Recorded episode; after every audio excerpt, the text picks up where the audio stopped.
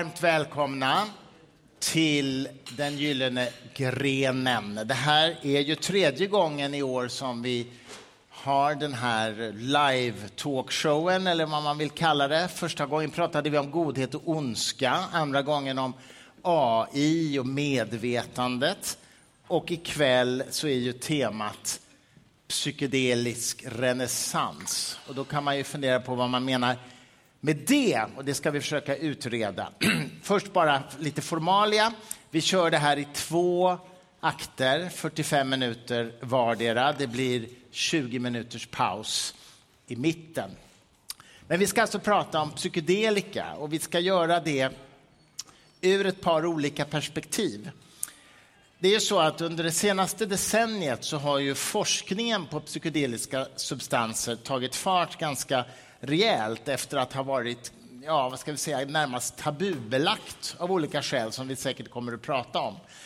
Och det som är så spännande med det här är ju att det har visat sig, allt tyder på att psykedel, behandling med psykedeliska substanser faktiskt har oerhört bra effekt på vissa typer av sjukdomstillstånd som har varit i stort sett behandlingsresidenta tidigare. Alltså vissa typer av djupa depressioner, till exempel eh, tvångsbeteenden, vissa typer av missbruk och så där. Så har man alltså nått väldigt spännande och positiva resultat med hjälp av eh, psykedeliska substanser. Tanken är att vi ska ägna första akten ikväll åt att prata dels om forskningsläget och lite grann om den idéhistoriska bakgrunden till psykedeliska substanser för att sen i andra akten komma in på en annan aspekt, eller hur Victoria? Flera andra aspekter faktiskt. Vi tänker ja. prata om konsten och psykedelika, om medvetandets stora gåta. Kan vi kanske få svar på vad medvetandet är för någonting till viss del med hjälp av psykedelika? Mm. Vi ska prata om Aldous Huxley, tänker jag mig. Eh, ni vet han som skrev Brave New World. Han skrev också boken Doors of Perception som han eh, producerade efter att ha tagit fem mescalindoser ihop med sin fru. Mm. Doors of Perception som kommer från William Blake från början. En dikt som han eh, konstruerade efter att han hade kanske inte tagit någonting mind expanding, men han var absolut i ett mind expanding tillstånd. Mm, det får man nog säga. Han skrev då If the doors of perception were cleansed, people would see life as it really is, infinite. Mm. Sen hoppas jag också att vi kommer in lite på det andliga, Sturmark. Det, det, det hoppas du? gillar du, va? Allt som har med sånt att göra. Andliga, vad det nu är. Om det är kemiska substanser i rörelse eller något annat. Det kan vi ju se vad vår panel eh, säger och tror om. Ja. Men eh, vi ska bjuda upp våra gäster. Vi har ju som alltid tre gäster. Och eh, jag ber att få börja med att bjuda upp styrelseordföranden för Osmond Foundation som stöder just forskning på psykedeliska, psykedelisk vetenskap. Hon är också fil. kand. i kognitiv neurovetenskap. Mina damer och herrar, välkomna upp Emma Kristersson.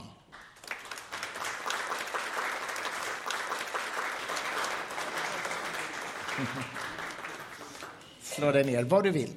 Jag tar nära bordet. Som nummer två har vi Carl Mikael Edenborg, psykonauten, författaren, nästan ikonen. Eller? nummer två. Välkommen Carl Mikael. Kan inte du ta mitt glas? Jo, det kan jag. Om jag får dricka upp det. Hörrni, sist men inte minst författaren till den ganska nyutkomna boken Extas i folkhemmet, men också kritiker i Dagens Nyheter och chefredaktör för den flammande tidningen Flamman. Leonidas Aretakis. Vi tänkte börja med någonting så grundläggande som att eh, be dig, Emma, berätta lite grann. Ja, men vi börjar med forskningen först. Eh, organisationen. Kan du beskriva lite grann vad ni har för uttalade mål med att ni eh, finns? Precis, så stiftelsen Osmond Foundation, vi är, en, vi är en svensk stiftelse som grundades 2020 eh, och vårt mål är att främja forskning kring psykedeliska substanser. Så vi jobbar aktivt med att resa pengar och eh, kommunicera med forskare för att stötta nya vetenskapliga initiativ och andra projekt inom fältet kring psykedelisk vetenskap. Och vi har bland annat finansierat en studie som eh, pågår på Karolinska institutet just nu där de undersöker ifall eh, psilocybin, eh, substansen i svampar, kan ha effekt mot depression. Mm. Och nu under den här kvällen kommer vi röra oss med olika begrepp såklart av sorten då LSD, meskalin, psilocybin. Eh, vilka fler tror du att vi kommer ta upp här ikväll? Vilka är den här paletten vi kommer röra oss med? Uh, DMT kommer vi nog beröra också. För man, när man pratar om psykedeliska substanser så brukar man prata om klassiskt psykedeliska substanser. Det vill säga en grupp uh, substanser som påverkar hjärnan genom att uh, vara agonister på 5-HT2A-receptorn i hjärnan som triggar en form av serotoninkedjeeffekt i, i hjärnan. Och de här klassiska psykedeliska substanserna är alltså LSD, psilocybin, eh, DMT och och eh, meskalin. Sen så finns det också icke-klassiska psykedelika. Mm. Men de skiljer sig eh, farmakologiskt åt och eh, interagerar alltså med, med, kroppen och hjärnan lite annorlunda. Och det var som du nämnde då, ketamin och MDMA mm. räknas också som.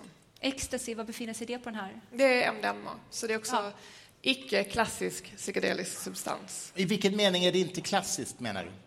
Det är de här, för de här klassiska psykedelika, de har en väldigt eh, lik profil på hur de påverkar eh, en person psykologiskt. Det vill säga de, de skapar ett väldigt eh, pålitligt, kan de liksom inducera ett starkt medvetande, eh, förändrat tillstånd eh, som påverkar liksom perception, eh, liksom visuellt förändrar saker, men även liksom psykologiskt, emotionellt och kognitivt så får de väldigt de klassiska psykedelika har en väldigt lik profil där på hur de påverkar vårt psyke. Och de icke-klassiska har likheter, men de skiljer sig. Mm. Så, så ketamin och ecstasy, MDMA, MDMA de, de har också väldigt starka effekter på perception och medvetande, men på ett lite annorlunda sätt. Mm. Mikael, du brukar ju tala om att, att i Sverige har vi, vi, vi, förväxlar väldigt mycket de här substanserna i det allmänna liksom det politiska samtalet eller det offentliga samtalet. Att man drar allt över en kam, så att säga. Kan du inte hjälpa oss att reda ut det där lite grann? Alltså, det är ju det här begreppet knark som har blivit någon slags paraplybegrepp för saker som inte har med varandra att göra. Heroin, amfetamin och LSD, man kan inte ens jämföra dem. Nej. Men på grund av lagstiftning och det här märkliga knarkbegreppet som svenskarna är ganska unika om så, så men det håller på att luckras upp nu. Det har också varit en väldigt viktig del att man inte har kunnat forska på de vettiga delarna av det här spektrumet. Därför att associera heroin med LSD, kanske vi inte kan hålla på med heroinforskning, men det här är inte beroendeframkallande, det är inte skadligt allt det här. Sådär. Så det är väl det jag kan säga. Liksom. Mm. Men det är inte så många människor som vet att, det inte, det att inte psilocybin är beroendeframkallande. Till det är på gång, eller hur? Vi sitter ju här, eller vadå? jo, det är ett, det är ett litet framsteg. Leonidas, det är en viktig liksom, distinktion att göra med de här klassiska psykedelika också. Att, att uh, en del av deras profil är att de är uh, icke beroendeframkallande. Mm. Um, och inte toxiska för kroppen i jämförelse med annat, men de har väldigt låg toxicitet. Leonidas, du har ju skrivit en del om så att säga, den svenska historien kring det här. Om, om du bara ger oss en snabb referat kring det du berättar om i din bok, bara som vi kan ha som startpunkt för det här. Ja, absolut. Eh, nej, jag skriver bland annat om Carl von Linné mm. som eh, ju samlar in via sina lärjungar. Han skickar ut dem i världen, vilket är väldigt smart, för många av dem dör efter ett par år i malaria eller något annat. Så. Och han sitter här och bara samlar in alla växter och så skriver han och får allt eh, ära och berömmelse. Så, så det var väldigt klokt. Men han får ju naturligtvis in också väldigt många växter som har eh, olika former av psykoaktiva egenskaper och sådär. Mm. Och han anger många av dem också. Eh, cannabis till exempel, cannabis sativa som han anger. Och eh, han känner ju till att de har vissa medicinska egenskaper, vilket jag tycker är väldigt intressant.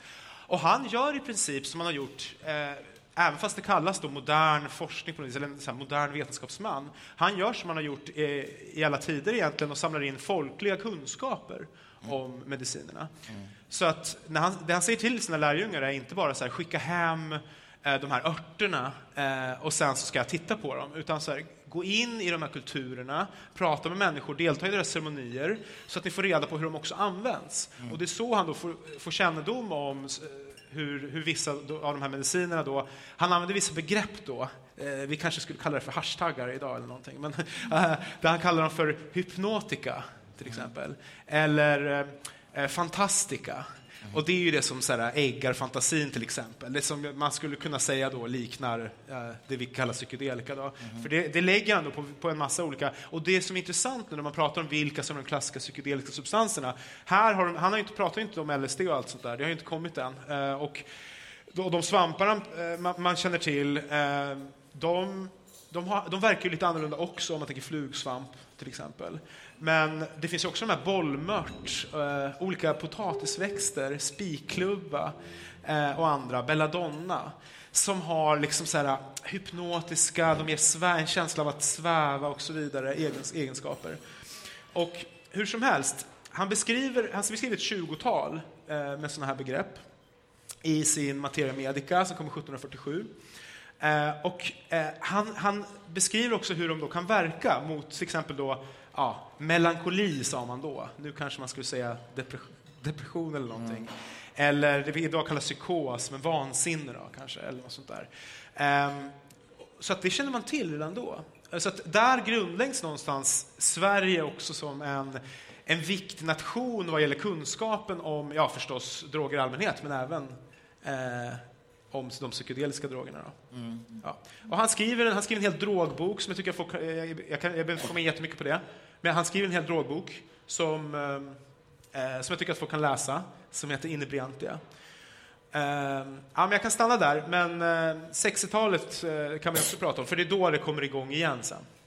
Det ska vi absolut göra. Är det. Eh, Men om man ska då eh, rama in vad det är som vi här i Sverige genomförde under 60-talet, som också liknar USA och andra länder i väst, det är att vi då klassificerar LSD i samma kategori som heroin och andra tungt farliga substanser.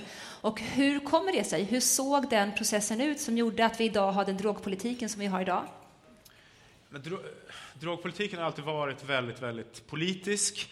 Den första globala drogkonventionen kom ju på plats först 1961 och då är ju cannabis till exempel räknas ju in som farligast av alla tillsammans med eh, några, andra, eh, några andra droger eh, och opiater till exempel som eh, är beroendeframkallande och farliga på ett helt annat sätt och toxiska på ett helt annat sätt än till exempel vad cannabis är. Men det är för att de odlas i syd.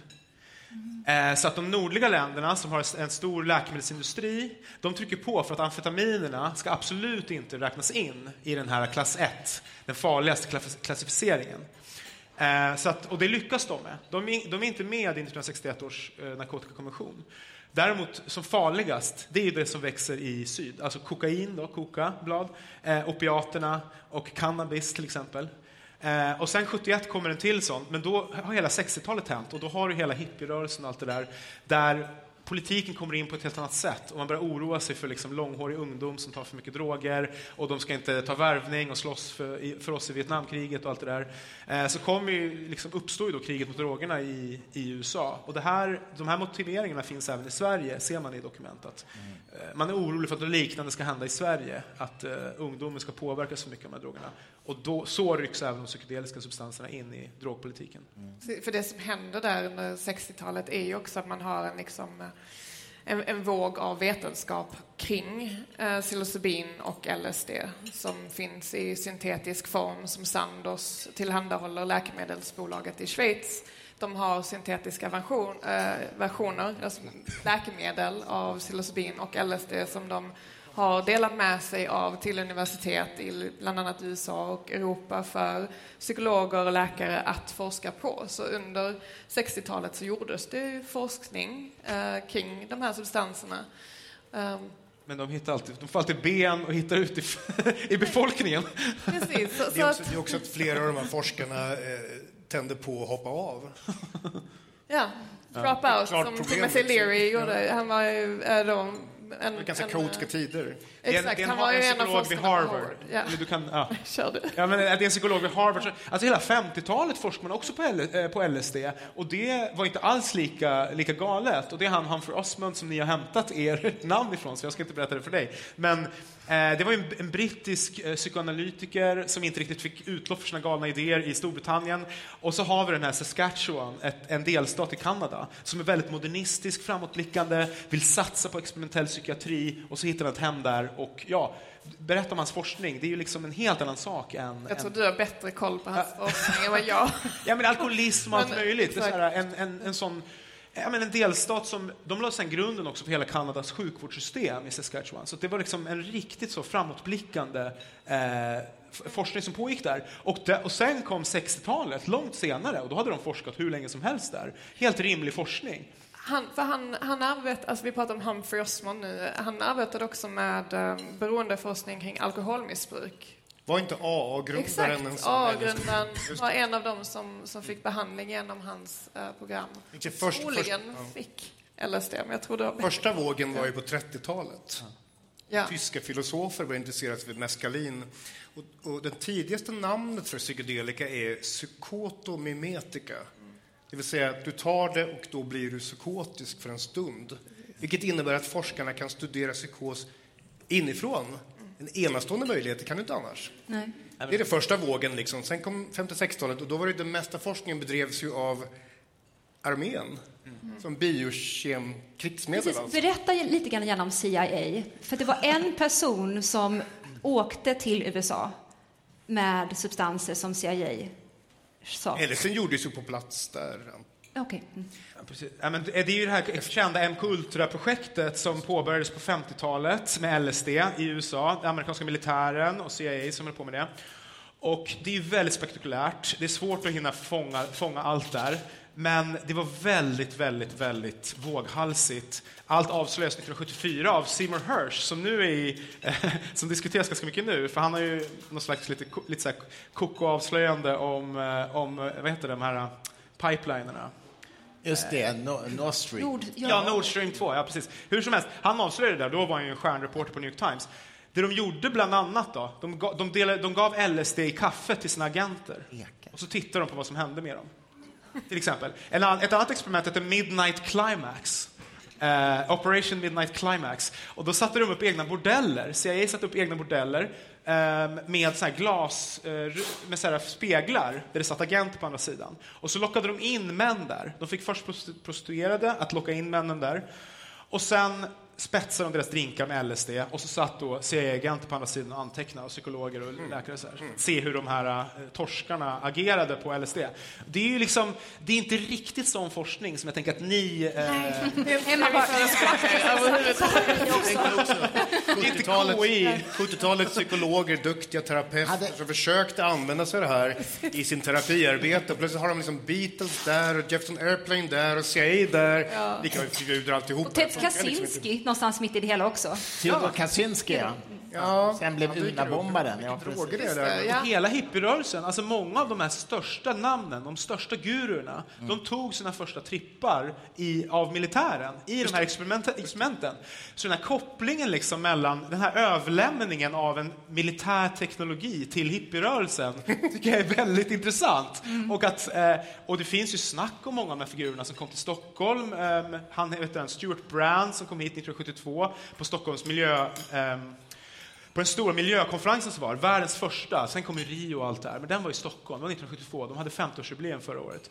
Då kommer amerikanska hippier hit med sina vans, Skarpnäck. ja, till Skarpnäckfältet, satte upp sina tält och försökte locka liksom svenska vänstern att åka ut dit och röka på och trippa istället för att gå ut och protestera mot Vietnam och sånt där. Och då var det väldigt många som var övertygade, och jag tror, eh, nu låter jag helt kokar, men de, har- de har en poäng att liksom det, här, det här fanns det kopplingar. Det fanns ju väldigt mycket sådana såna pengar som gick från CIA till svenska kulturorganisationer då. sånt. Det är helt känt och det är kanske inte ens något fel eller så. Jag förstår att man tar emot dem. Men, men eh, då var folk här verkligen och, och, eh, och, och liksom fick ut folk från prote protesterna och avbröt Vietnamdemonstrationer och sånt där och kastade flygplan och sa så här peace, make peace, ni ska inte ha politik. Så, här. Mm. så det var så konstigt. Det är den där kopplingen som är så himla konstig. Spiken i kistan var väl ändå förbjudet mot ecstasy MDMA på 80-talet. Det dröjde ju liksom. Det var den sista drogen Mm. som klassades då. Ja, För rave- För ravekulturen tog fart där. Ja, men sen kom ju 90-talet och svamp och allting. Ja, och då skulle de- fånga, komma ikapp svamp, svampen och med lagstiftning. Om vi plockar en svamp på, ett, på en åker i Sverige nu, och polisen ser oss, Ja. det blir tortyr. För det, den, det förbudet kom ju 1997 då, apropå de här förbuden, jag ska bara säga, ja men kort. Eh, Ah, ja. 1997 förbjöds eh, äh, äh, eh, i Sverige. Det börjar säljas då. Ja, och, och annat, det såldes ju helt fritt i nätshoppar. Det, alltså det var bara att la- ladda ner, det var som Tradera eller liksom och sånt där. Så vill man ha lite svamp och lite annat sådär. Och de satt ju tv också, i Alice Bas tv-program, talkshow i slutet på 90-talet. Kasta ut så här, svamp till publiken för att så här, göra re reklam. Så, här, så det var väldigt våghalsig tid och så. Men ja, nu har vi sprungit bort från Men, 60-talet. men Emma, då måste jag fråga dig, vad var det då som hände som gjorde att pendeln svängde och att det började bli legitimt att forska på det här igen? För det har ju ändå hänt. Precis. Någonting hände, vad var det? Tid, tror jag, framförallt. Ja, men, ja. Är tid, eh, lite politiska läger fick kanske lägga sig och eh, att eh, samtidigt så fanns det nya sätt att titta på psykedelika med hjärnavbildning exempelvis. Så att helt plötsligt hade man också nya forskningsmetoder eh, att liksom motivera för att ta upp forskningen igen. Liksom, hur ser hjärnan ut när någon har eh, fått i sig LSD eller eh, psilocybin? Liksom, vad, vad kan det ge oss för information? Så eh, i början av den här liksom renässansen så var det ju liksom några väldigt betydande hjärnavbildningsstudier som blev väldigt kända. Och gjorde också att intresset ökade. Men eh, samtidigt så ska man också ge mycket ehm, liksom, erkännande till MAPS, en organisation i USA som har jobbat väldigt länge med att eh, se till att man kan forska på eh, MDMA för PTSD. Och de har ju gjort För posttraumatisk stress alltså. Precis, för posttraumatisk stress. Så de riktar in sig också lite på att jobba med militären och veteraner i USA. Eh, och de har jobbat på sedan 80-talet egentligen för att kunna vara där de är idag. Där de har sin fas 3-studie, vilket är en studie som är den sista studien som ett läkemedelsbolag behöver göra innan man kan få godkänt av Läkemedelsverket för att det ska bli en godkänd behandling i samhället. Så MAPS, en organisation i USA, de har jobbat väldigt hårt med att driva MDMA-forskning för PTSD. Och de, de har ju kommit jättelångt. De har förmodligen registrerat det här eh, redan nästa år som en godkänd behandling i USA. Var det inte så också att några heroiska psykologer i USA aldrig slutade? Under hela den klassade perioden, 40 år, jobbar de på i smyg liksom, för att de vill hjälpa folk. Ja. Och det funkade. Ja. Det får man ändå ge dem en eloge för. Liksom. De var ju med från eh, den tidiga vågen där de liksom hade sina sätt att arbeta på. Och de fortsatte göra det och några av dem plockades ju också in då när man nu tog, tog upp forskningen igen för att eh, dra nytta av deras kunskaper. Och sen så är det väl också någonting med att gåtan ännu inte var löst. Det, det, hela den här guldåldern för psykedelisk medicin, okej, den eh, tog slut av vissa politiska skäl då delvis. Men den, hade inte heller, den resulterade ju inte heller faktiskt i någonting. Fast man får, det var ju otroligt fors, efter, undersökta substanser. Det var rätt så lovande resultat, även ifall liksom, eh, eh, liksom forskningsdesignen inte skulle hålla i jämförelse med den typen av forskningsstudier vi gör idag, så är liksom resultaten inte så gedigna. Designen är inte så gedigen som de metoderna vi har idag, men resultaten var ju ändå lovande från denna tiden. Och, det, och, att, eh, och de här molekylerna, liksom, man tittar bara på dem. Så här, äh, DMT, psilocybin och LSD och serotonin, typ, alltså en, en signalsubstans i hjärnan, så är de så otroligt lika varandra. Och många av de forskare som sen gick vidare, och även svenska forskare som Arvid Carlsson och andra, eh, de, gick, de som vann Nobelpriset för sin forskning Arvid. Carlsson fick ju Nobelpriset. Ja, som har fått Nobelpriset för sin forskning på hjärnans eh, signalsubstanser och på att ta fram olika SSRI-mediciner, alltså antidepressiva mediciner som jobbar just med de här eh, signalsubstanserna. De har, I sin ungdom de var också otroligt intresserade ofta av psykedelika. Eh, och Arvid Carlsson nämner eh, psykedelika i, i ett tal när han liksom pratar om sin forskning. Eh, och även Astras gamla chef, eh, som jag glömmer namnet på, jo, Stig Agurell som är med och leder ett, ett stort svenskt forskningslag på psykedelika i Sverige under 60-talet och början av 70-talet. Stig Agurell, han blir senare chef på Astra, forskningschef på Astra och är med och tar fram världens första antidepressiva, alltså SSRI-medicin mm. där. Mm. Han, forskade, han doktorerade på mjöldryga då, som en del av en komponent i LSD.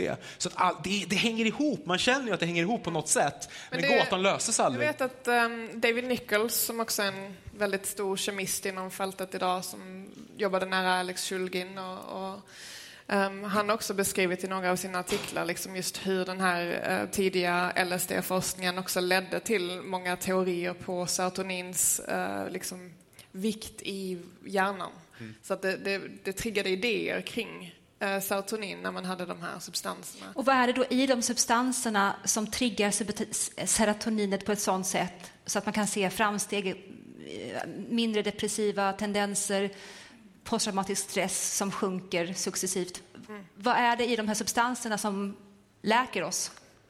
Det vet vi inte. Det vet vi inte.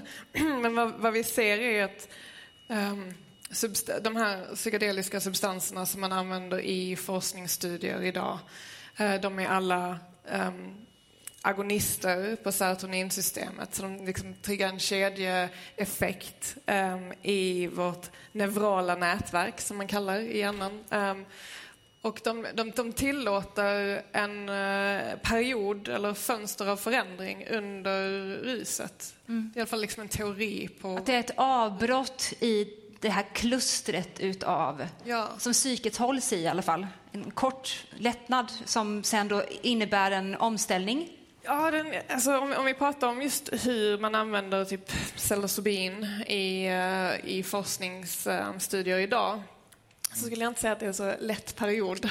För att det är en väldigt intensiv upplevelse som de går igenom. Mm. Och um, om vi så nu generaliserar hur forskningsstudierna är uppbyggda idag så är det oftast att man har några förberedande sessioner och sen så har man en doseringssession, eventuellt två, tre eh, beroende på studiedesign, där man tar själva substansen tillsammans med terapeuter. Mm. Och beroende på vilken substans man tar där, som psilocybin, så kan den dossessionen vara 6-8 timmar. Oj. För det är en väldigt lång och intensiv upplevelse. De får väldigt um, så de får liksom höga doser mm. av de här substanserna. Så en väldigt eh, intensiv, medvetande förändrande upplevelse de går igenom. Sen får de integrationssessioner efteråt och mycket är ju psykedelika-assisterad psykoterapi. Så det är väldigt mycket psykoterapin som är en stor del av forskningen. Men är det inte fortfarande så att eh, svaret på frågan hur funkar det mm. är delad i två klassiska linjer som egentligen är som kropp och själ-dualism. Antingen är det molekylen, mm. du kan också mikrodosera utan effekt, du känner ingenting, men den jobbar bort din depression ändå, för den är här inne och jobbar. Eller, som du säger, det är upplevelsen. Mm. Den meningsfulla upplevelsen av vad det nu kan vara då, i språket med en terapeut. Mm. Och de här två, det är inte löst. Jag tror att det inte kommer lösas, jag är dualist. Jag tror inte heller det kommer lösas. Jag tror de här två sakerna hör ihop väldigt, väldigt nära. Rimligen, ja. I alla fall så pass nära så att det kommer vara väldigt svårt att skilja dem. Men det finns ju, alltså det finns ju intresse idag att undersöka om man kan titta på psykedeliska molekyler och förändra dem till den grad att man slipper den väldigt psykologiska effekten. Mm. Går det att göra psykedelika utan den psykedeliska upplevelsen och ändå få en då terapeutisk ju, effekt? Då tänker man sig att det bara är kemin. Ja, liksom. Så upplevelsen betyder ingenting. Men Emma, kan du säga någonting idag då? För det forskas ju på Karolinska institutet nu, eh, bland annat som ni, era, era projekt, men också ute i världen. Vad är liksom forskningsläget just nu? Vad är det man tittar på? Vilka resultat har man hittills fått fram. Det skulle vara kul att få en slags överblick bara, om du kan ge en kort. Så, globalt sett, eller internationellt sett just nu, så är de stora eh, forskningsstudierna, eller de, de enda stora som finns egentligen, för det är väldigt många små studier och olika, många olika indikationer som man tittar på, alltså olika sjukdomstillstånd. Men de stora just nu är just psilocybin för att behandla depression. Och där har de gjort en rätt så stor studie med, eh, det var eh, över 200 som var med i en, en studie där de kollade på behandlingsresistent depression. Uh, och då, då jämför de den, liksom, psilocybin i olika doser och så att de som får en... När du säger behandlingsresistent, det vill säga det är depressioner som inte har hjälpts av konventionella läkemedel eller behandlingsmetoder, eller hur? Precis, det är, det är en patient som har haft depression och har provat i alla fall, jag tror det är minst två olika behandlingsmetoder, men oftast fler. Mm. Det är oftast fler som, som gör att man kallas för behandlingsresistent. Men, men det innebär att man har varit deprimerad under en lång period. Man har provat olika behandlingar som finns. Mm. Um, och därmed, eftersom ingenting har funkat hittills, så kan man kategorisera som... Och då är det just psilocybin man testar, inte MDMA? Nej, inte på, det, inte på behandlingsresistentgruppen. Där är det just psilocybin som just nu eh, ser ut att, att ligga i framkant. Och troligen så kommer det här eh, bli... Um, jag tror att inom två år kanske så kommer psilocybin för behandlingsresistent depression bli en godkänd eh, behandling av europeiska läkemedelsmyndigheter. Det tror du? Om två år ungefär? Det tror jag, ungefär är det också då med guidning av en eh, psykiater? Det är inte bara så att man tar det i regelbundenhet, utan man går igenom de här långa, långa timmarna som du berättade om. Ja, man... och, det, och det är en jättestor utmaning idag när man ska eh, registrera de här behandlingarna som läkemedel. Eh, för att vi måste undersöka dess effektivitet och säkerhet för patienter. Och om det är för mycket variation där på behandlingsformen, psykoterapeutiska delen, man måste kunna ta fram en behandling som går att göra om hos andra patienter och ha säkra, tydliga rutiner och resultat på plats. Mm. Det, det, det, finns utmaningar där. Mm. Är inte det hela svårigheten också? Att här har vi en molekyl som gör så pass olika saker i, så pass i alla människor. Mm. Av varje rus är i princip unikt. Och sen ska det bli i slutändan då någon slags standardiserad eh, länsstyrelse, liksom, godkänd behandling. Eh, och, och, eller bara skillnaden mellan då västerländsk vetenskap och liksom det här att e- en extas eller ett rus, att det kan hela oss på något sätt. Alltså hur ska man få ihop de här två världarna? Det är väl det som är ja, er eh, svåra utmaning, antar jag. Det är inte, jag, jag forskar ju inte själv på det här, utan jag, jag, jobbar ju för att främja mer forskning och resa pengar till att vi ska ja. kunna göra mer forskning på det. Men det är ju jättemånga utmaningar egentligen för att man skulle kunna införa en sån här typ av behandling i, i dagens vårdsystem. För det, den är ju, skiljer sig något enormt från uh, den standardbehandling som finns idag, som är att man skriver ut ett läkemedel eller och så går man kanske till en psykolog. Uh, att man doseras med en tablett som man tar en gång om dagen hemma. Alltså det finns ju andra extrema terapiformer som inte har några kemikalier. Det finns ju alltså aggressionsutlevande när man håller på i sex timmar och slår på en kudde och skriker. Liksom. Det finns Primalskriksterapi en gång i tiden. Ja, precis på 70-talet. Nu är det liksom lite andra grejer. Ja. Men, men samma genre. Det finns plats för extrema terapier, tänker jag. Om det är extrema tillstånd, om det går att hjälpa folk. Liksom. Ja. Mm. Det var ju rimligt. Men, men, men Leonidas, mm. är ju väldigt det är ju en brits, så det är ofta två terapeuter och så är det Region musik. Stockholm, väv på väggen och så här. Det är, Landstingsfilten. det är det den optimala miljön för det här? Ja, det, det är det som är frågan. Men, men, en teori om det funkar, det är väl också att um, det här kaoset som, som skapas i hjärnan, just det vi pratar om, det här extatiska kaoset, då, att det, för att många av de här symptomen vi pratar om, um, eller de här sjukdomarna vi pratar om, alltså depression, eller eh, beroende, substansberoende, att det är väldigt hög grad av ordning. Att det är så här, eh, man har en väldigt rigid kanske självbild, tanke om sig själv. Att jag, eh, man återkommer till samma mönster i varenda social situation och på det nya jobbet blir samma grej. Och man bara, jag är sån, jag är en förlorare, jag är inte bra nog, jag är inte värd... Alltså, man hamnar i någon slags loop och en väldigt stark ordning då. Medan det här löser upp det till ett kaos. Och sen eh, kan, kan man då tänka på ett annat sätt under ett tag. Och sen hoppas man att det ska liksom vara kvar ett tag. Och att den effekten, att de här nya banorna ska vara kvar, ska vara, vara kvar på något sätt. Och det intressanta är ju att det är ju det de, med de här hjärnskanningen nu som, de, som man gör i bland annat Imperial College i London.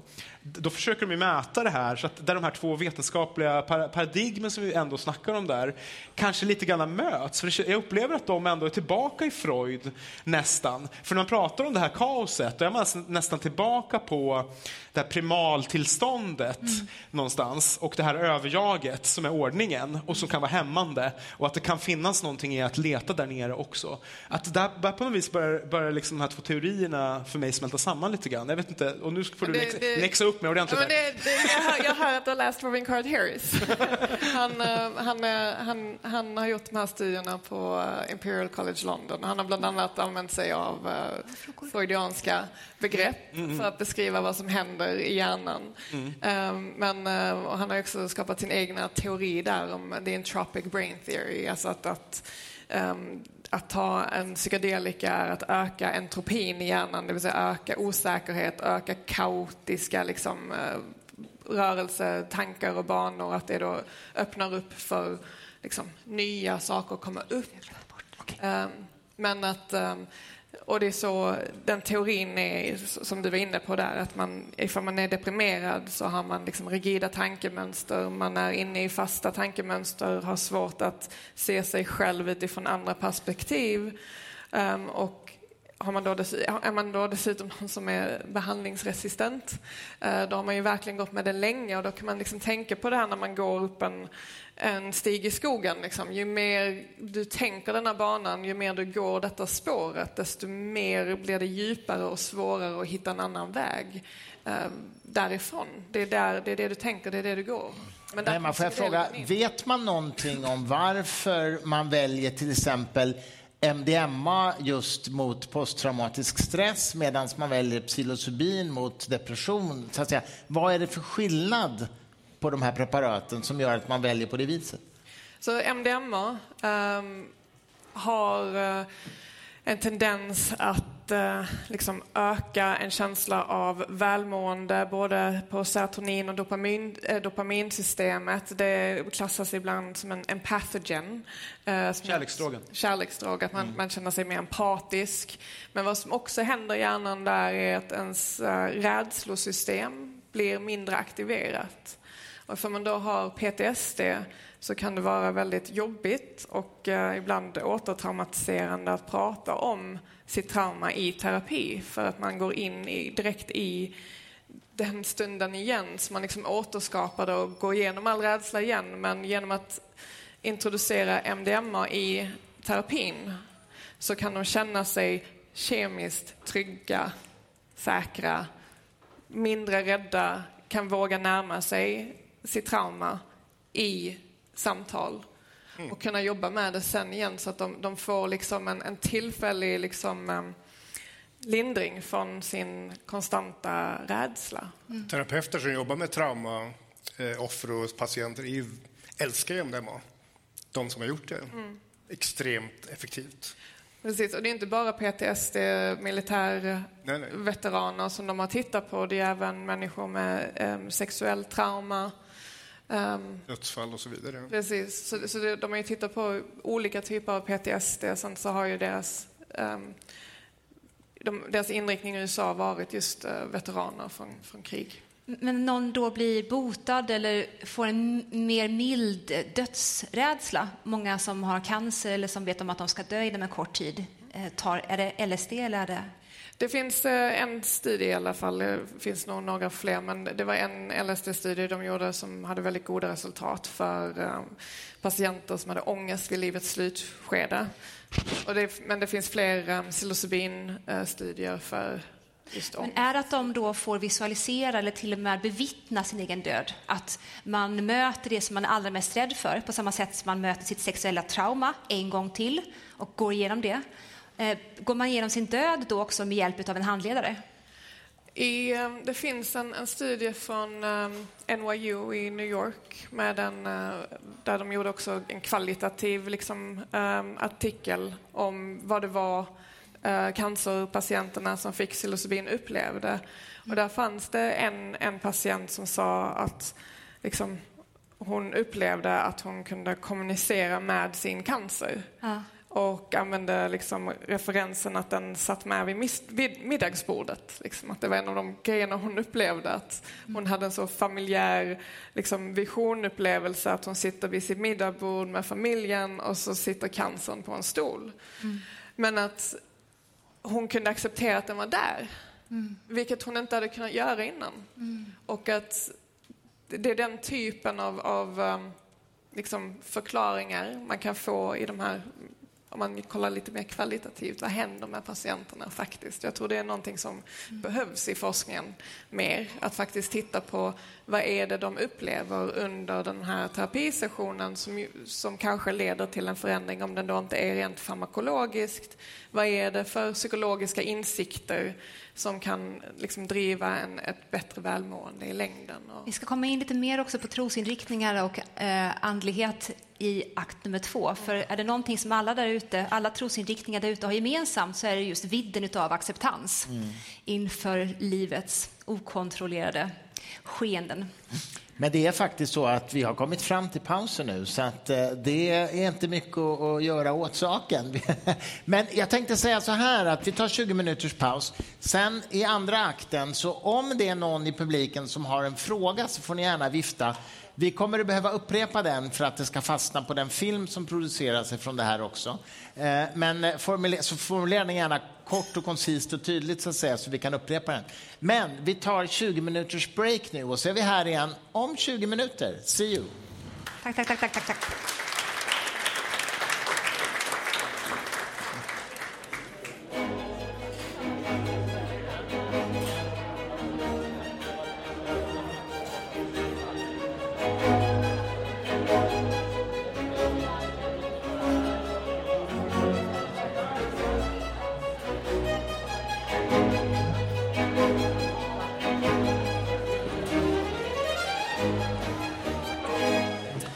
Ja, då är vi tillbaka. Eh, lite vin där, ja men det är bra, det sitter bra. Skål. Mitt blod.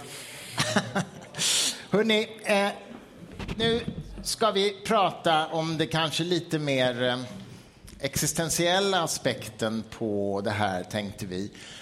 En fråga till er alla tre, vem som helst får börja. Det är så här, tror ni att man genom eh, psykedeliska erfarenheter kan få någon slags ny kunskap om verklighetens natur, medvetandets natur, så att säga? Eller är det bara kemiska mm, illusioner som, som de här ämnena skapar i våra hjärnor? Hur tänker ni kring det?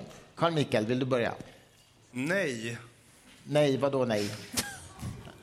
Om du inte redan är ute på någon form av så här, äh, sökande i filosofi, frågor kring sanning och lögn och varseblivning och om du inte redan är det och satt ord på det och du tar LSD så kommer du inte bli dugg klokare. Snarare jätterädd. Så. så nej, utan förutsättningar så kommer det inte leda till ny kunskap. Nej. Okej, vad säger Emma? Jag är väl lite mjukare där. Ehm, Men, men jag håller med om att ehm, ju mer förberedelse och liksom förberedelse inför en psykedelisk upplevelse, desto mer kan man använda sig av händelsen i sig. För att det kan vara en väldigt eh, chockartad upplevelse ifall man kommer in helt eh, liksom, filosofiskt naiv till en så intensiv upplevelse så det kan ju medföra ett begrepp som kallas för ontologisk chock. Vad heter det? Ontologisk chock. Ontologisk chock. Det var Ja, intressant. det vill säga att man får en upplevelse där man helt, den är så pass stark så att man ifrågasätter sin egen förståelse av omvärlden. Att man ifrågasätter den fysikaliska verkligheten och ens relation till den så kraftigt att det kan vara väldigt svårt efteråt att, att sätta ihop det igen. Så om du är 15 år gammal och inte vet vem David Hume, Kant, Hegel, Nietzsche var så, och får menar jag, 12 timmar på syra, nej, Absolut. kanske inte det perfekta. Exakt, och det är det man ser när man har kollat på negativa effekter av eh, psykedeliskt bruk. Det är bland annat att ha det i ung ålder, för höga doser, i icke bra miljöer eller kontrollerade miljöer ehm, så kan det leda till en väldigt intensiv och traumatisk upplevelse också. Leonidas, vad säger du?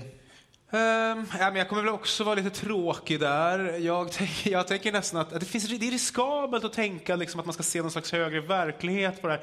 Det, jag vet inte, det finns säkert några i publiken här som skulle identifiera sig som det. Jag kanske är lite det. Men så här, eh, psykedeliskt ö, överintresserade personer, pöpar alltså.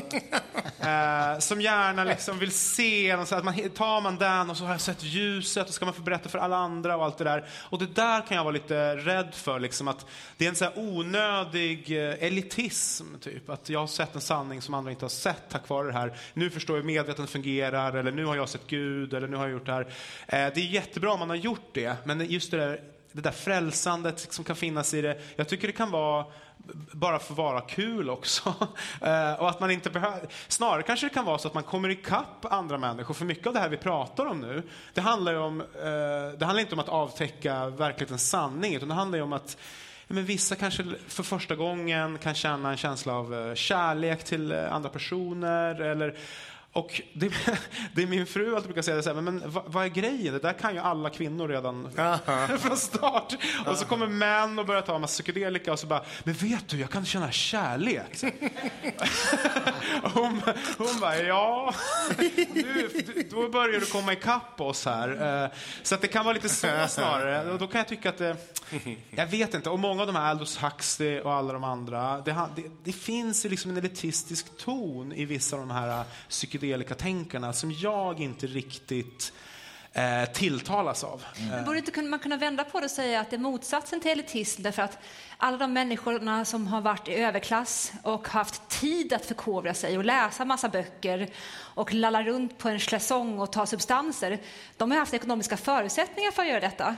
Mm. Men substanser som är ändå relativt billiga kan delas ut till folket. Mm. Och då kan de få uppleva allt det där som de här överklass mm. mupparna har läst sig till. Ja. Läst sig till.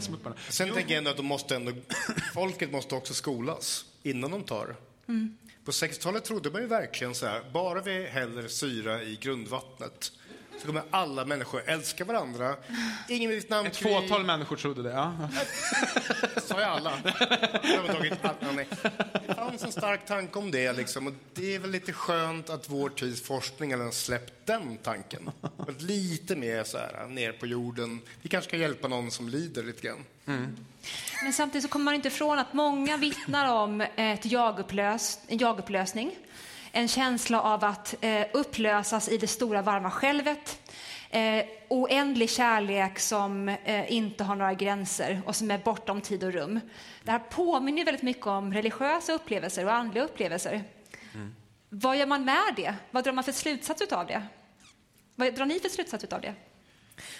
Ja, alltså jag, jag till exempel i min, i min bok så beskriver jag ett... Eh, ja, jo, i och för sig, jag träffade Gud en gång i ett rus faktiskt. Det var DMT. Det är den ena ingrediensen i ayahuasca.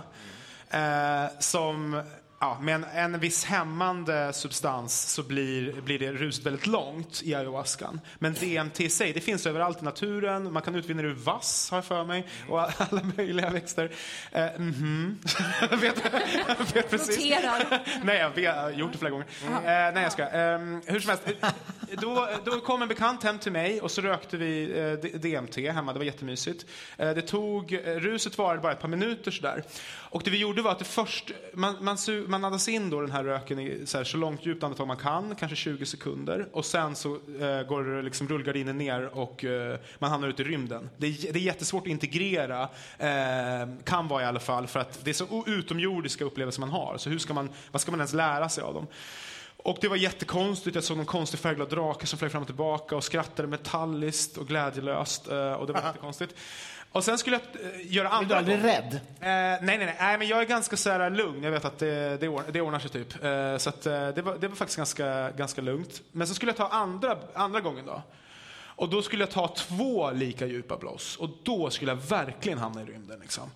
Och då tar jag det här första blåset och så en bit in så har jag så här liksom ett, ett budskap från, från Gud, tänker en röst i huvudet som säger så här Battery low.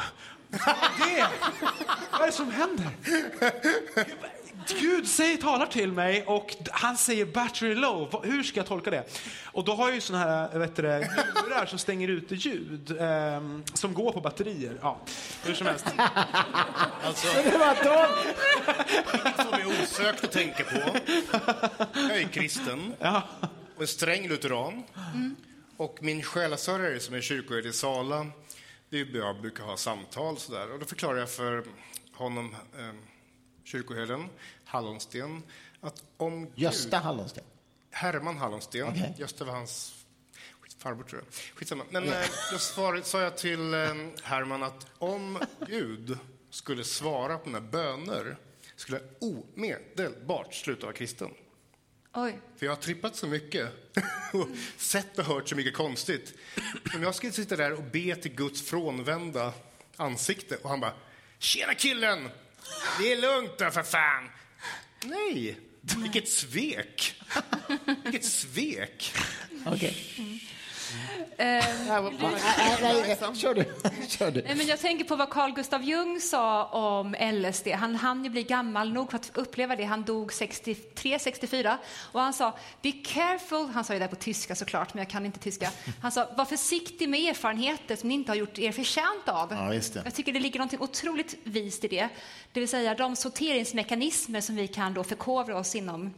Eh, självreflektion, litteratur och så vidare hjälper oss att konstant orientera oss i våra egna upplevelser och därmed också hitta en produktiv, eh, sund väg framåt utefter dem.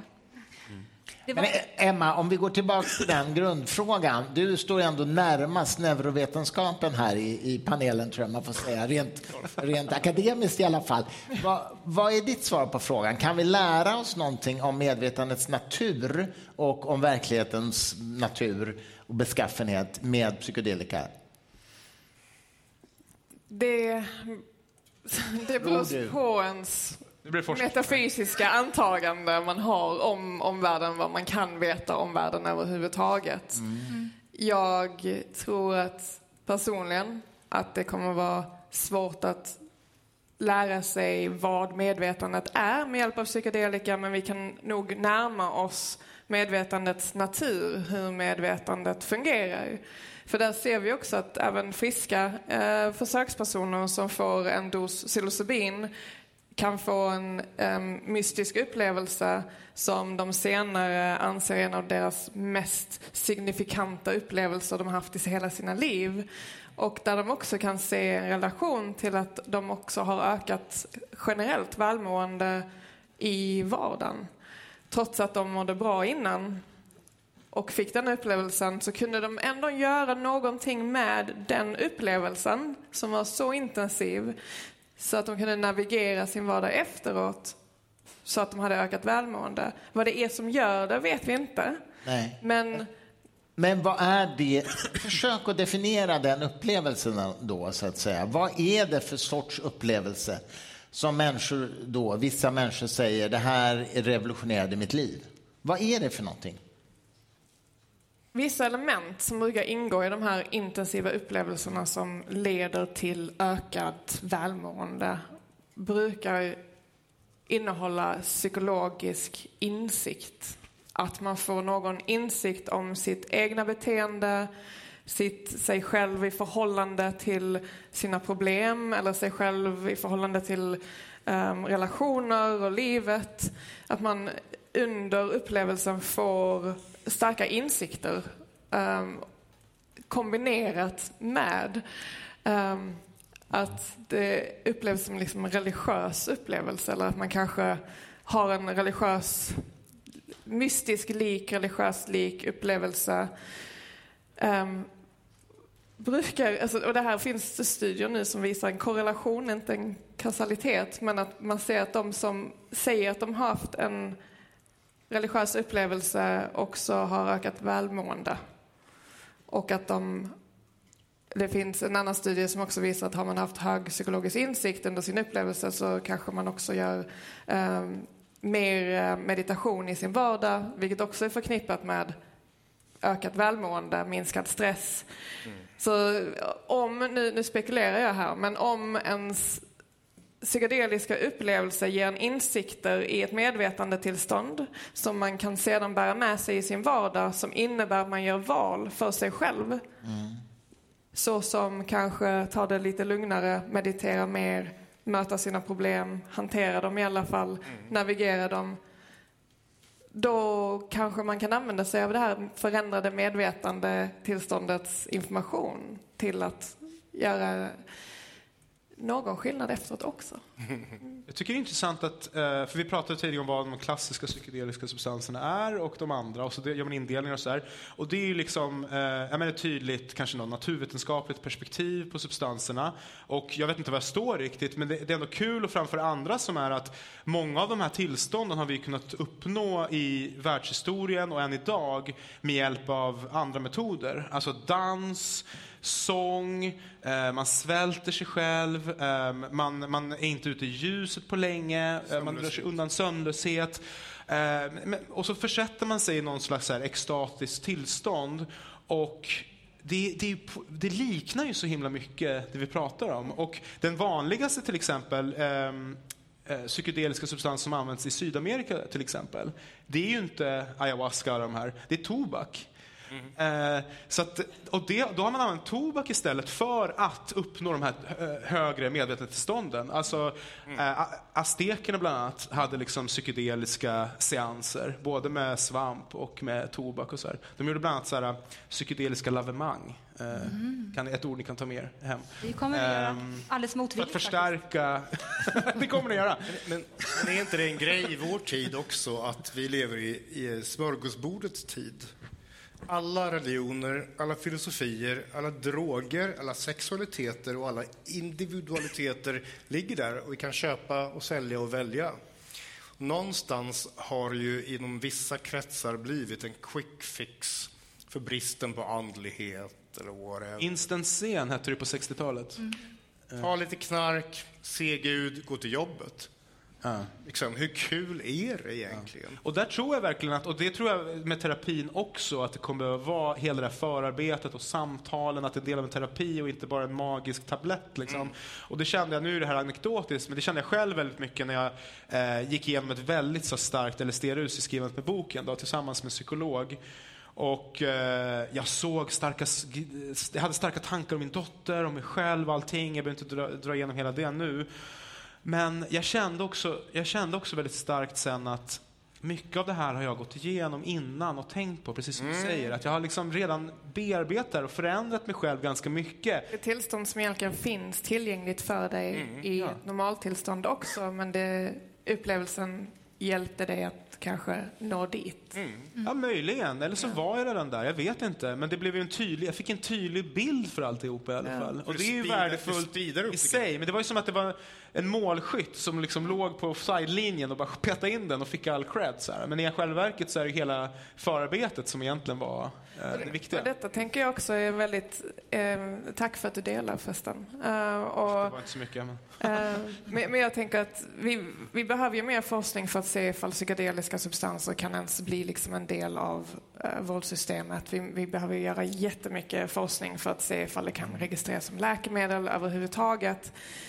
Men längs denna vägen, när vi gör mer forskning, så kan vi också få jättemycket information om hur terapi fungerar.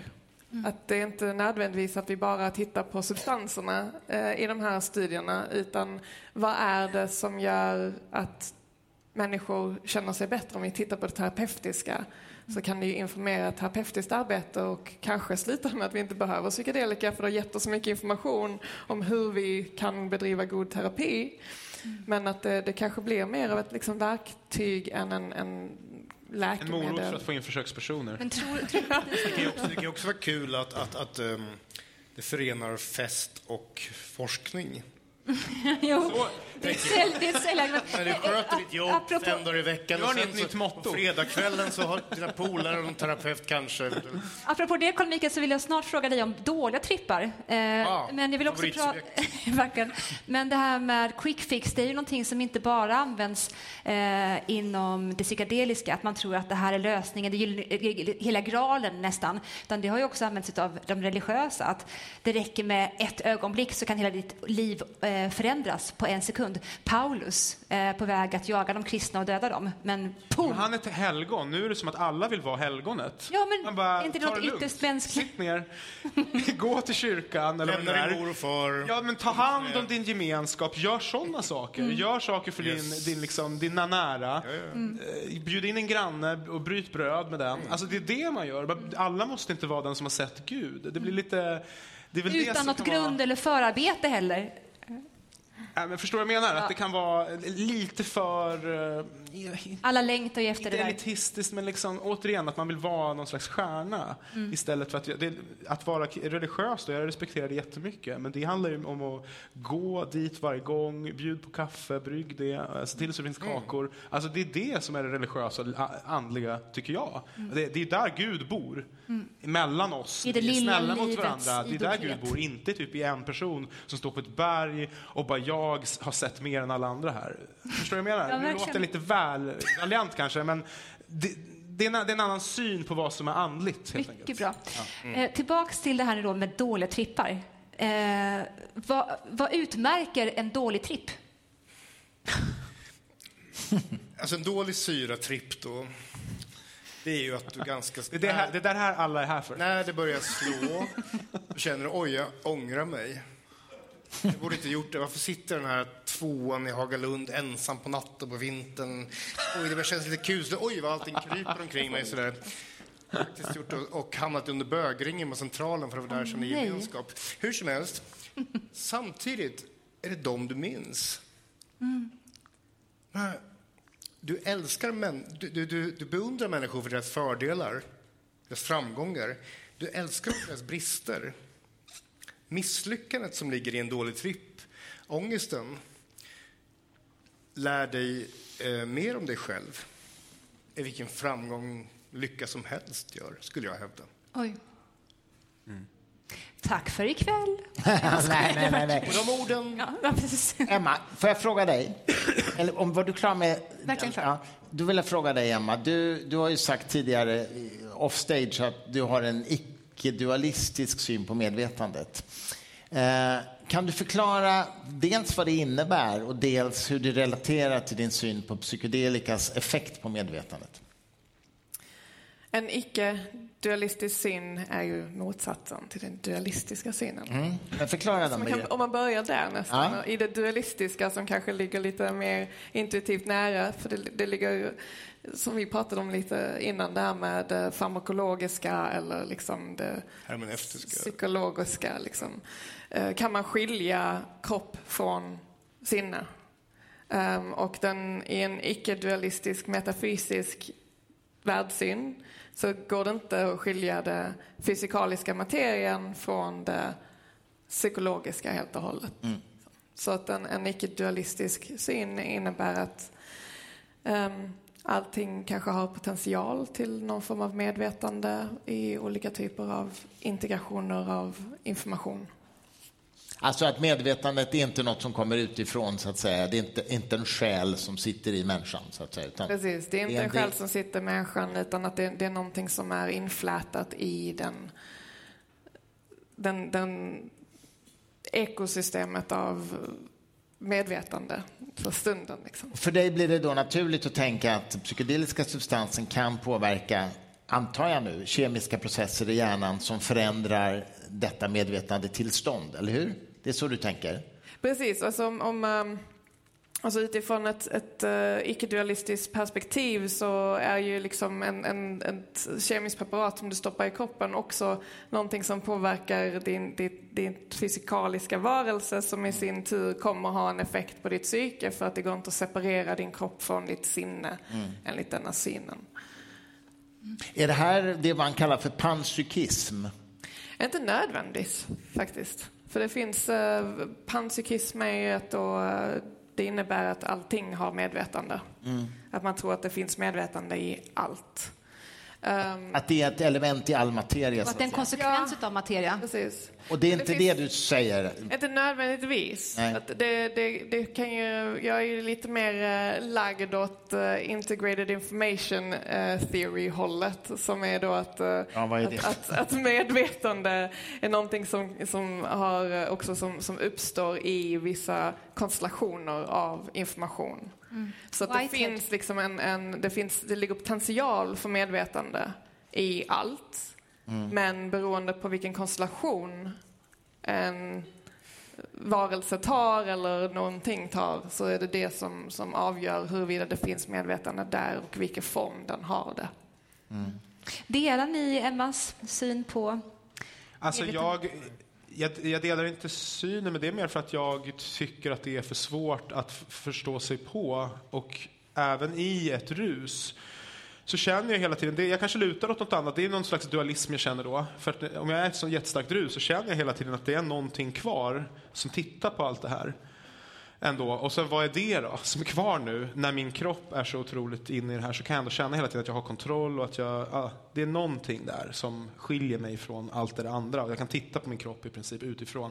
Men jag har ingen aning om vad, alltså, jag, jag vill inte dra för stora växlar på den erfarenheten, upplevelsen heller. Utan jag tycker medvetandet är ett mysterium som vi inte har lyckats lösa än. Jag menar, psykologi, alla psykologiska begrepp som pratar om depression. Jag pratade med någon forskare i arbetet med boken som nämnde det här med att nio, det finns nio olika eh, saker som definierar eh, depression. Man ska ha fem av de, de nio. Och det ger flera hundra kombinationer, eller flera tusen kombinationer beroende på hur man räknar. Och, så här. och då är det så här, om någon har 1 till 5 och någon har 5 till 9 så är det samma sak, då har de depression. Fast de är egentligen helt olika saker uppenbarligen.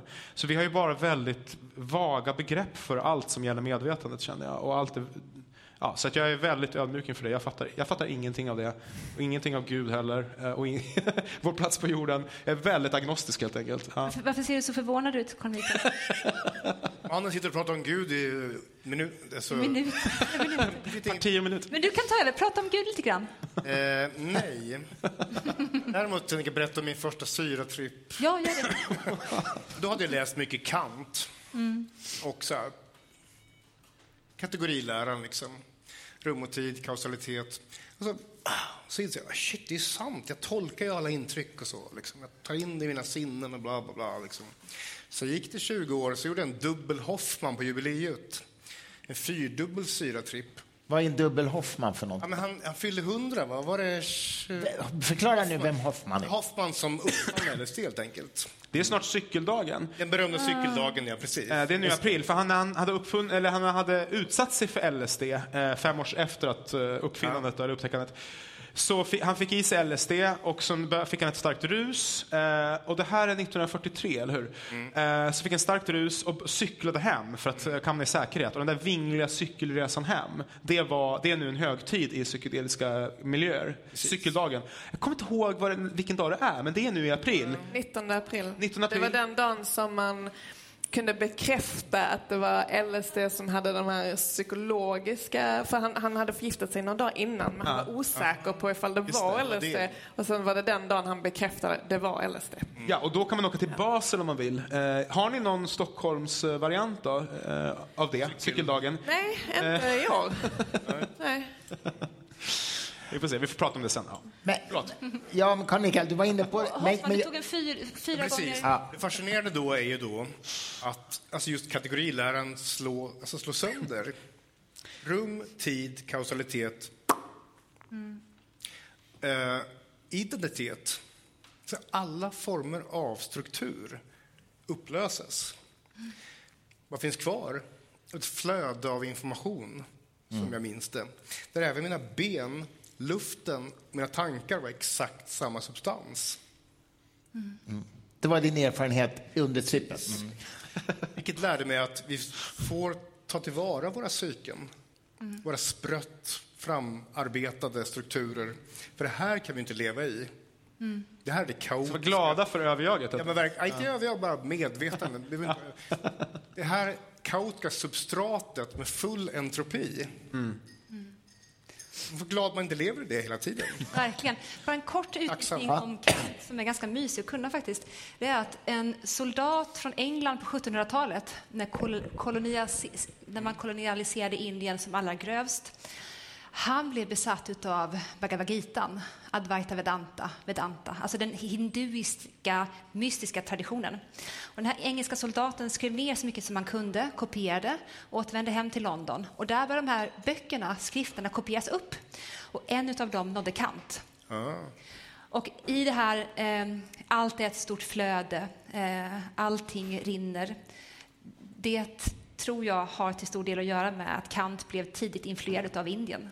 Vilket kan också förklara den här upplevelsen som många får under trippar, vilket Möjligen. är högst Möjligen. indisk får man ändå säga. Ett, om jag ska sluta vara så tråkig och, och säga anti eh, och säga något positivt ändå. Eh, för att det här flytande som du pratar om mm.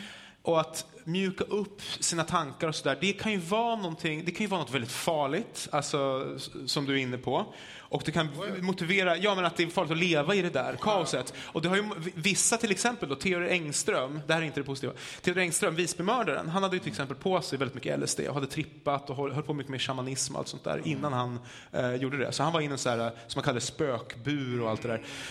Eh, så det, går, det, kan ju hända om man börjar luckra upp sina tankar för mycket och liksom börjar hamna för långt från normalitet och allt det där. Men å andra sidan, ibland behöver man ju det. Man be, alltså, avantgardemiljöer vad gäller konst till exempel. Jag skriver en, en del om Öyvind Fahlström och det radikala 60-talet i Sverige.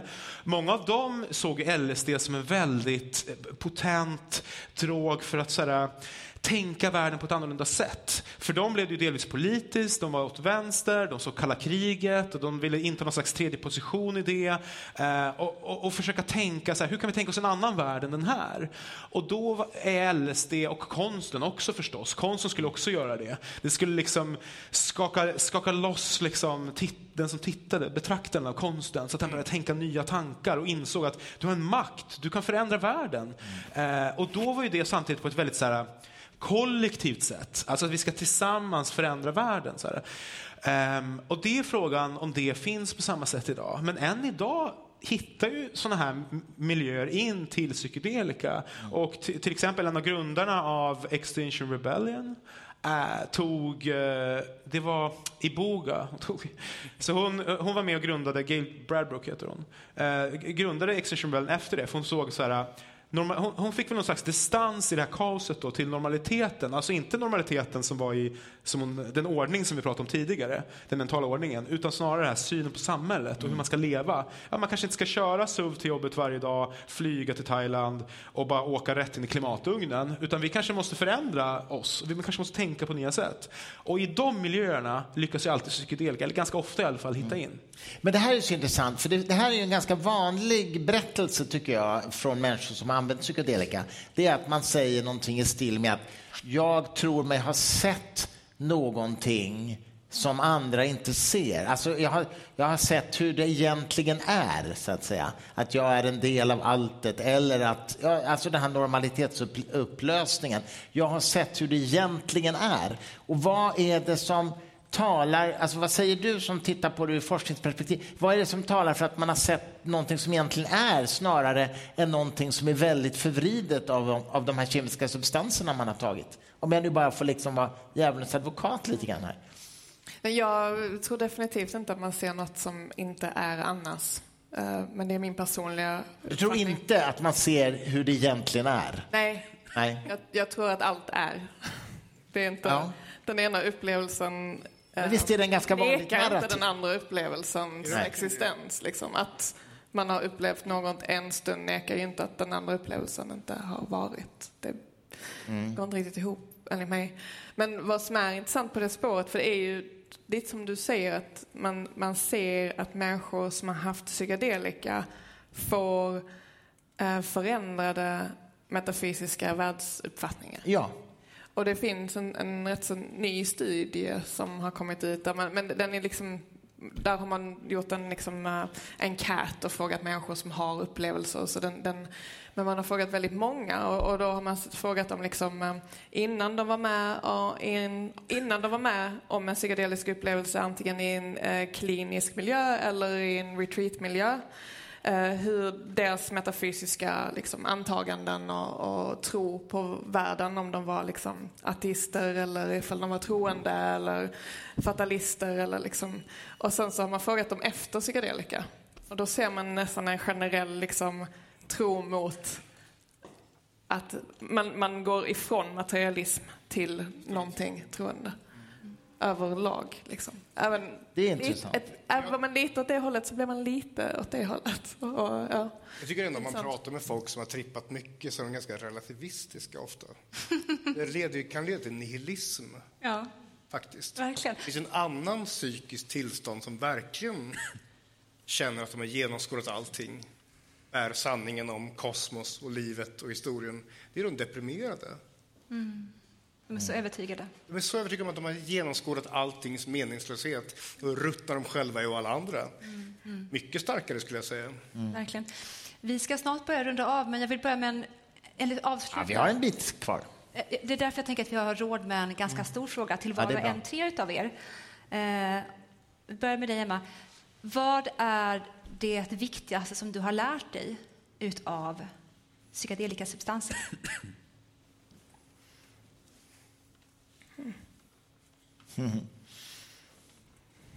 Att låta saker ske.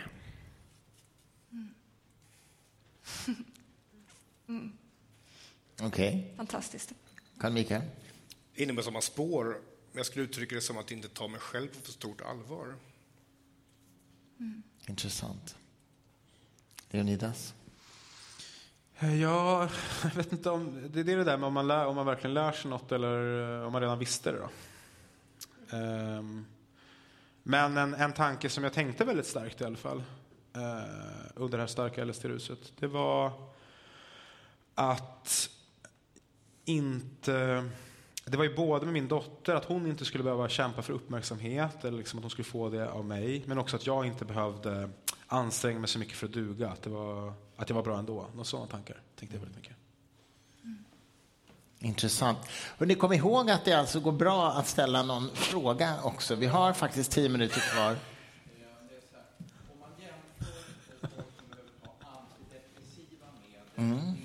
Ett fina svar vi gav där.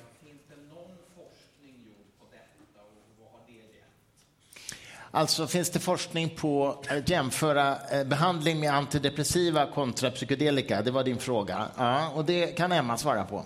Ja, det finns en studie som har jämfört eh, liksom, eh, den standardbehandlingen man har idag med SSRI-behandling kontra psykedelika.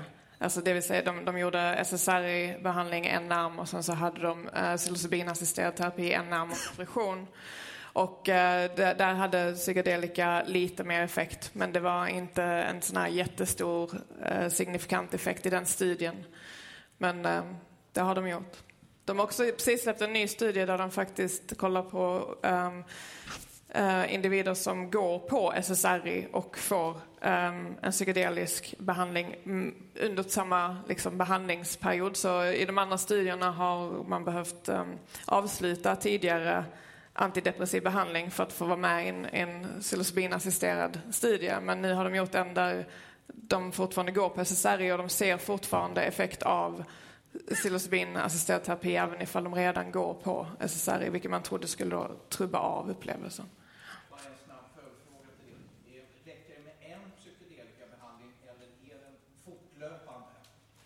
Det. Återstår att se.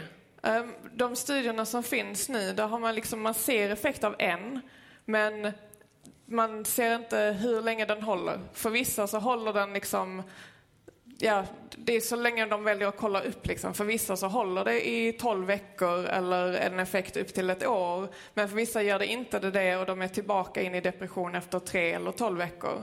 Så det, det kommer vara intressant att se hur man ska välja att, att få in det i vårdsystemet. Behöver man dossessioner extra eller behöver man kanske mer liksom terapeutisk integration för att uppehålla en potentiell effekt?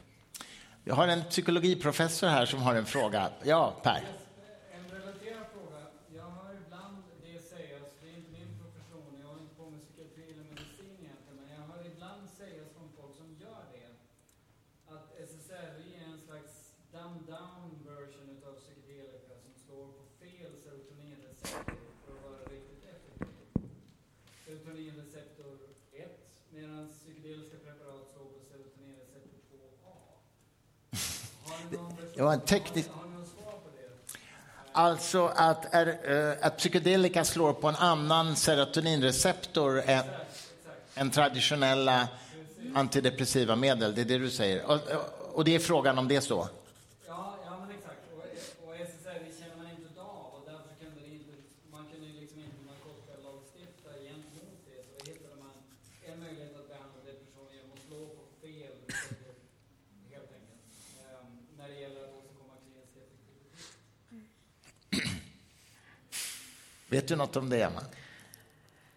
Nej, men det, det är väl en teori, men jag har definitivt ingen expertkunskap kring... Att det är fel recept. Jag menar, är har ju ändå fel visat vissa resultat och så, så det är väl fullt medvetet framtaget.